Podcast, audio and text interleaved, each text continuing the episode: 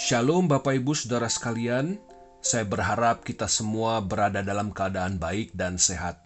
Kalaupun kita sedang tidak baik dan tidak sehat, saya berdoa kiranya Tuhan menganugerahkan iman kepada kita semua untuk tetap terus berpengharapan di dalam Kristus. Bapak Ibu Saudara sekalian, hari ini saya mengajak kita semua untuk merenungkan satu bagian firman Tuhan dari kitab 2 Korintus pasal 5 ayat 15. 2 Korintus 5 ayat 15, dengarkanlah firman Tuhan. Dan Kristus telah mati untuk semua orang, supaya mereka yang hidup tidak lagi hidup untuk dirinya sendiri, tetapi untuk Dia yang telah mati dan telah dibangkitkan untuk mereka. Yang berbahagia ialah mereka yang mendengarkan firman Allah dan memeliharanya. Haleluya. Bapak Ibu Saudara sekalian, hampir semua orang menganggap pandemi COVID-19 ini sebagai sebuah gangguan, sebagai disrupsi dari kehidupan kita yang normal. Itulah sebabnya belakangan ini muncullah istilah new normal yang mulai sering kita dengar Bapak Ibu Saudara. Kita mendamba-dambakan kehidupan yang normal. Apa yang kita maksud dengan normal Bapak Ibu? Normal yaitu hidup sebelum pandemi COVID-19. Itu yang kita damba-dambakan Bapak Ibu Saudara. Kita terus bertanya-tanya, aduh kapan ya bisa ke gereja lagi, beribadah di gereja lagi?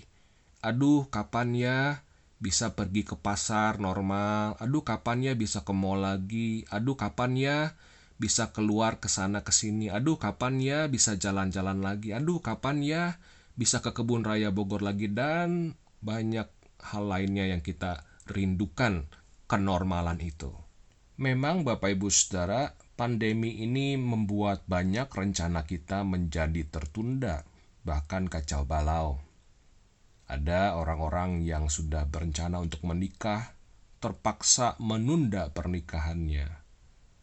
Ada kita yang sudah berencana untuk pergi ke sana dan ke sini, terpaksa menunda, bahkan membatalkan rencana kepergian kita. Bahkan program-program gereja pun kita tunda, Bapak Ibu Saudara. Pertemuan ibadah rutin setiap minggu, acara besar tahun ini, bulan ini mestinya camp remaja tetapi mesti kita tunda karena pandemi COVID-19 ini. Nah, di tengah semua disrupsi ini, ada satu hal yang tidak boleh kita tunda-tunda, yaitu hidup untuk Kristus. Inilah yang diingatkan melalui firman hari ini di 2 Korintus 5 ayat 15. Kristus telah mati untuk semua orang, untuk kita, supaya mereka yang hidup tidak lagi hidup untuk dirinya sendiri, tetapi untuk Dia yang telah mati dan telah dibangkitkan untuk mereka.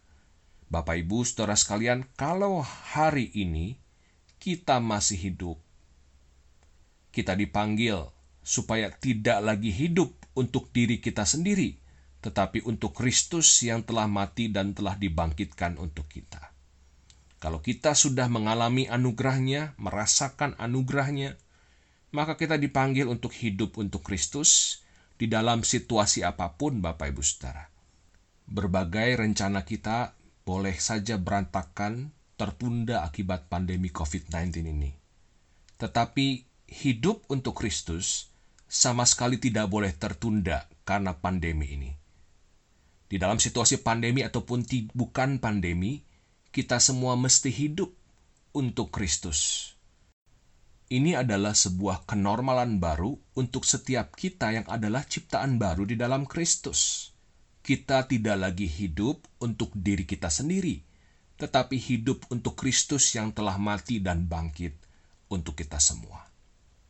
Hidup untuk Kristus itu bukan sesuatu yang abstrak Bapak Ibu Saudara sekalian.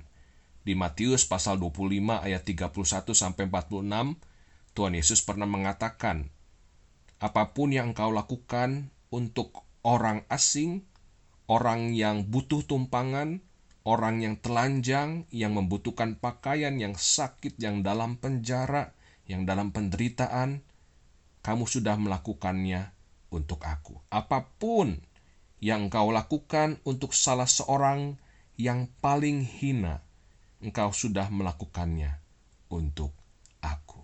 Merindukan kehidupan yang dalam tanda kutip normal sebelum pandemi tentu amatlah manusiawi. Tetapi jangan sampai kerinduan ini melampaui, melebihi kerinduan kita untuk hidup bagi Kristus, Bapak Ibu Saudara sekalian. Selama kita masih bernafas, selama kita masih hidup, ingatlah Bapak Ibu, kita dipanggil untuk hidup di dalam kenormalan baru sebagai ciptaan baru di dalam Kristus, yaitu kita hidup bukan untuk diri kita sendiri, tetapi hanya untuk Kristus yang telah mati dan bangkit untuk kita semua. Kiranya Tuhan menolong kita semua. Amin.